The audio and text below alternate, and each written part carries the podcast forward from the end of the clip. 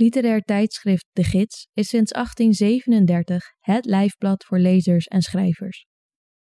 En vanaf nu ook voor luisteraars.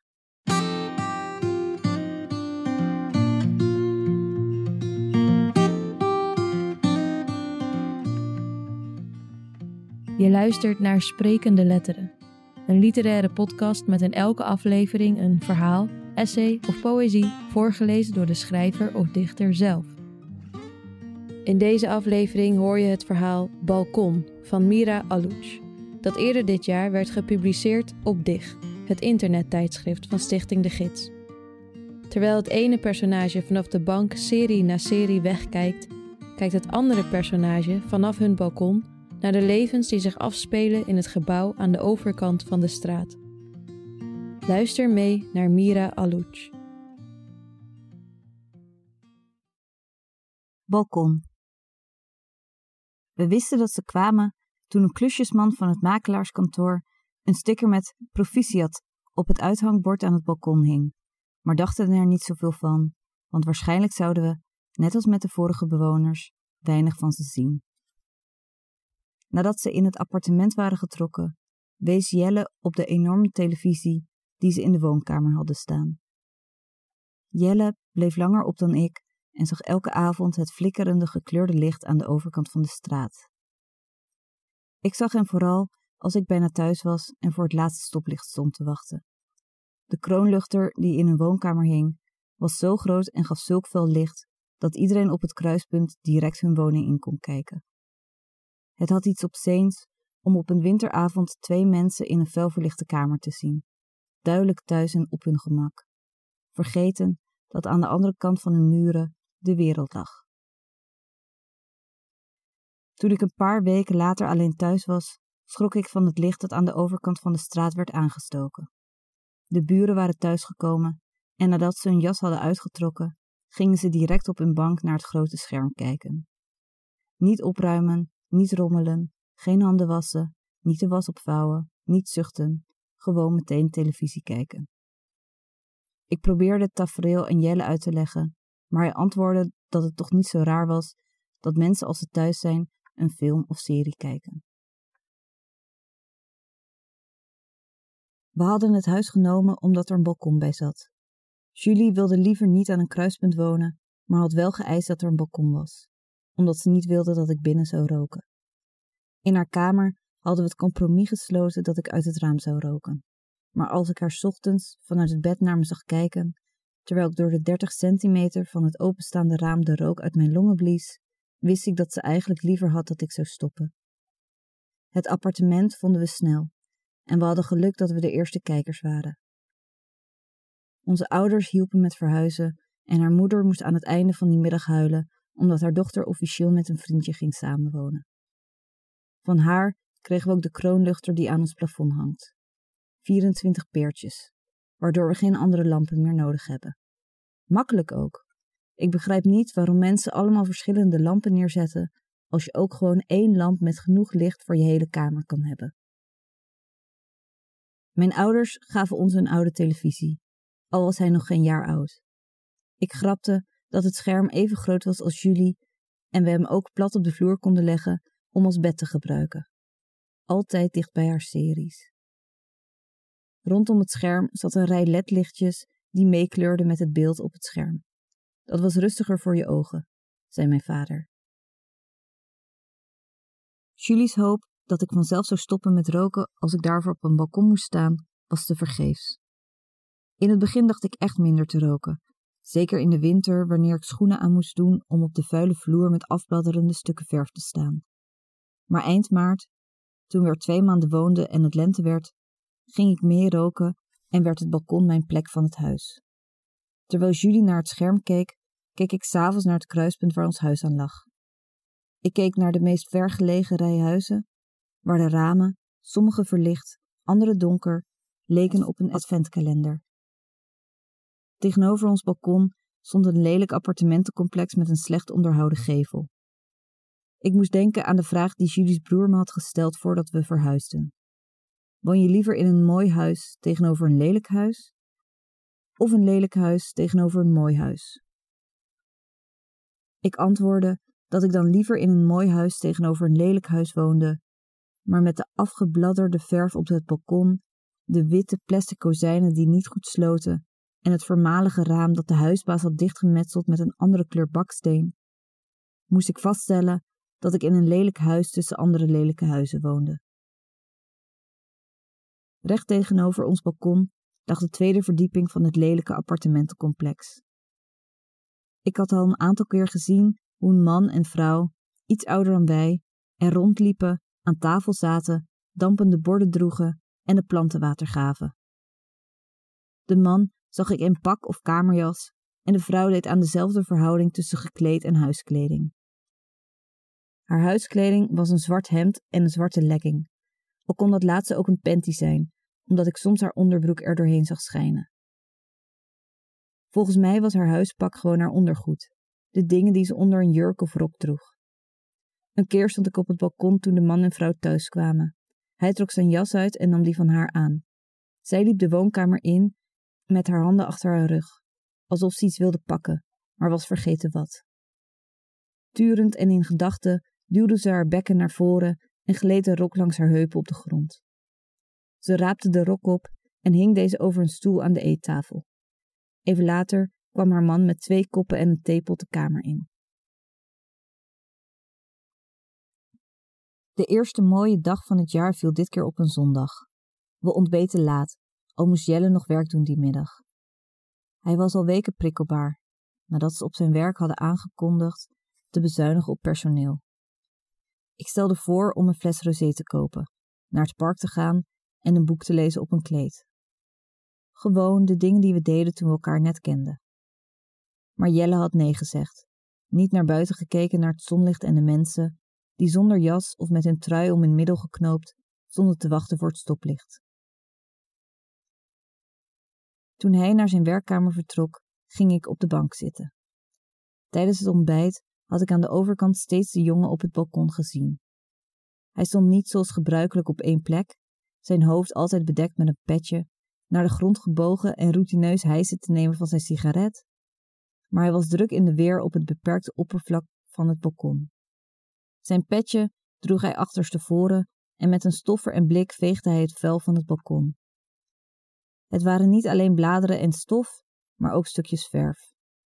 Daarna ging hij met een staalborstel over de rand van het balkon en schuurde twee uur lang schimmel en mos van het beton. Met een grote trekker lapte hij de ramen. Hij of de steel van de trekker waren niet lang genoeg, waardoor de helft van het raam boven de openslaande deuren vuil bleef.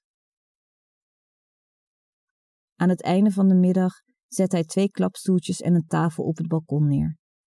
De stoelen en tafel waren het afschuwelijke standaardmodel van de bouwmarkt, dat ze optimistisch een bistro-set noemen. Het zijn stoeltjes waar je op houten latjes zit die afdrukken maken in de huid van je bovenbenen, en het tafelblad is van dezelfde latjes, waartussen je bestek op de grond klettert. Jelle weet wat voor een hekel ik heb aan die tuinset, en ik zit als we uit eten gaan liever op een terras met slechter uitzicht en eten dan een hele avond met te ergeren aan het gevoel van mijn huid tussen het hout en het geluid van bestek dat blijft vallen. De jongen op het balkon keek daarentegen trots naar de aanwinst in zijn opgeknapte domein. Hij liep naar binnen en kwam even later terug met planten in gele en lila bloempotjes, die hij voorzichtig op de rand van het balkon plaatste. Zijn petje nam hij van zijn hoofd en hij keek over de rand van het balkon naar de straat beneden. Waarschijnlijk om in te schatten hoe groot de kans was dat een van die bloempotjes zou omvallen en op het hoofd van een voorbijganger kapot zou slaan. Terwijl Jelle die zondagavond tot laat bleef doorwerken, zat de jongen met zijn petje op het balkon. Ik deed het licht in de woonkamer aan en in plaats van de schakelaar van de kroonluchter om te zetten, zette de jongen met zijn petje kaarsjes op zijn balkontafel. Ik snapte die mensen aan de overkant niet zo goed. Nu ik had schoongemaakt, hoefde ik niet meer naar de vloer te kijken als ik buiten ging roken en begon meer aandacht te hebben wat ze nu eigenlijk deden in die vissenkom van beton. Een televisie hadden ze volgens mij niet, wel een computerscherm dat ze uit een andere kamer haalden en op een laag tafeltje voor de bank zetten om films op te kijken. Na de film droeg de man het scherm de woonkamer uit naar een andere kamer in het huis. Julie begon steeds vaker te vragen of ik naar binnen kwam als ik lang op het balkon bleef. Dan vroeg ze of ik haar wilde helpen met de afwas of het vuilnis buiten wilde zetten, maar eigenlijk wilde ze dat ik bij haar op de bank naar de oneindige hoeveelheid beschikbare series zou kijken. Kijken naar levens die net als de onze opgedeeld zijn in seizoenen en afleveringen, maar waar wij vastzitten aan vier wederkerende seizoenen en een onverwacht en onoverzichtelijk aantal afleveringen, houden de levens in Judy's series ieder een eigen tijdrekening aan.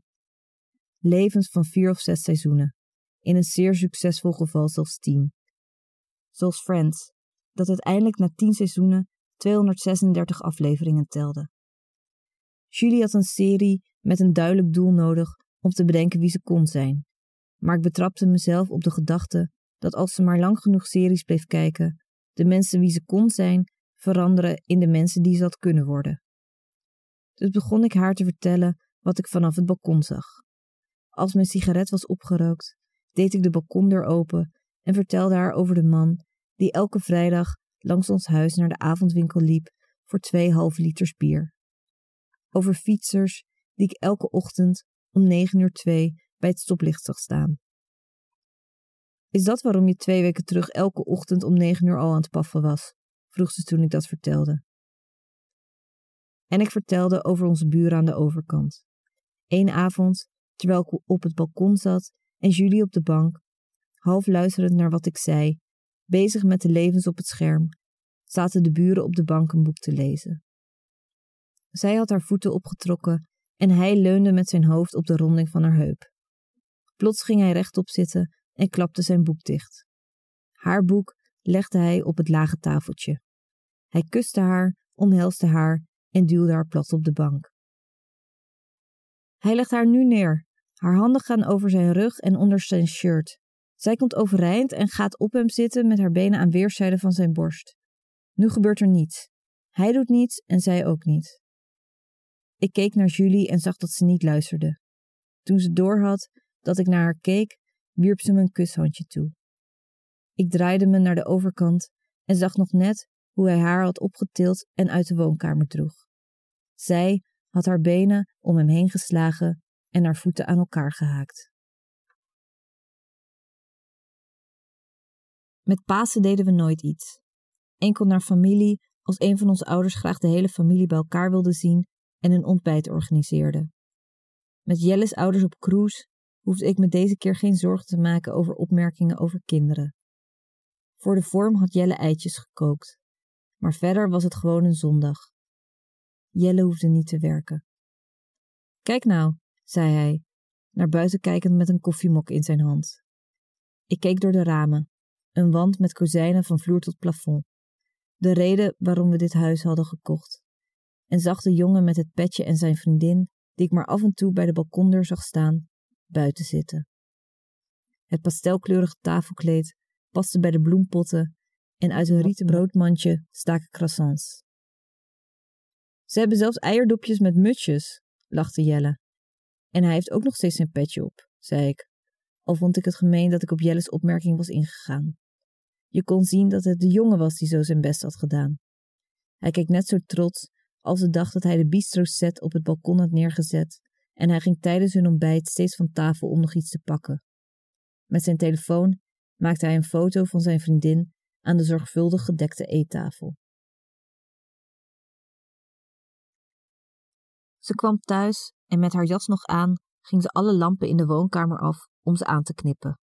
De grote staande lamp naast een plant in de hoek, de vier laaghangende kapjes boven de eettafel en het leeslampje naast de bank waar haar man vaak s'avonds de krant las, met alle andere lampen in de kamer gedempt. Ze trok haar jas uit, maar haar rok hield ze aan en liep de woonkamer uit. Even later kwam ze de kamer in met twee op elkaar gestapelde borden en begon haastig de tafel te dekken. Met het elastiekje om haar pols bond ze haar haar in een knot. Haar man kwam even later thuis. Aktentas in zijn hand en een wollen, donkerblauwe jas met brede schouders. Het kostuum waarin hij de resterende afleveringen van de serie van zijn leven zou thuiskomen. Zij kwam de woonkamer binnen met een dampende pan en begon op te scheppen. Knoeide terwijl ze luisterde naar wat hij vanuit de deuropening vertelde. Ze ging recht staan, rechter dan normaal, en liep met de pan in beide handen langzaam heen de kamer uit. Het was al laat. Julie en ik hadden al gegeten. Ze had pasta gemaakt met pesto van de basilicumplant die ik probeerde te laten groeien op het balkon. De vrouw kwam de woonkamer in, ging zitten, zei iets met haar blik op het bord aan de andere kant van de tafel en begon te eten. De man trok zijn jas uit, trok zijn stropdas losser en ging tegenover haar zitten. Zij sprak en hij was stil. En hij sprak en zij reageerde, en dit ging door totdat hij met zijn hand op tafel sloeg. Zij stond op en vanaf de andere kant van de kamer schreeuwde ze hem iets toe. Ik bekeek het schouwspel en vroeg me af of ik Julie moest roepen, maar ik wilde niet opvallen, dus stak ik nog een sigaret op en trok mijn pet over mijn voorhoofd. Toen het schreeuwen voorbij was en hij de kamer uit was gelopen, stond ze huilend voor de grote ramen naar het kruispunt te kijken, haar armen over elkaar geslagen. Ik dacht dat ze me in de gaten hield, tussen de stoplichten die op rood sprongen naar me keek met die geslagen glazen oogopslag. Terwijl de auto's onder onze huizen tot stilstand kwamen, leek ze haar hoofd te draaien, schuin te houden. Een uitdrukking zoals Julie op haar gezicht heeft wanneer ik naar haar kijk als ze zich opmaakt. Me opzichtig negerend, hoewel ze me in haar blikveld heeft. Ik zette mijn petje af en stak mijn hand naar haar op.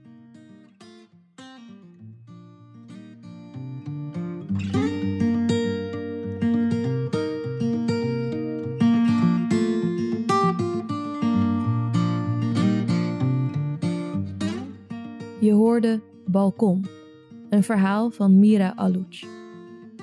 Mira Alouch publiceerde onder meer in Tirade, Dig en Streven.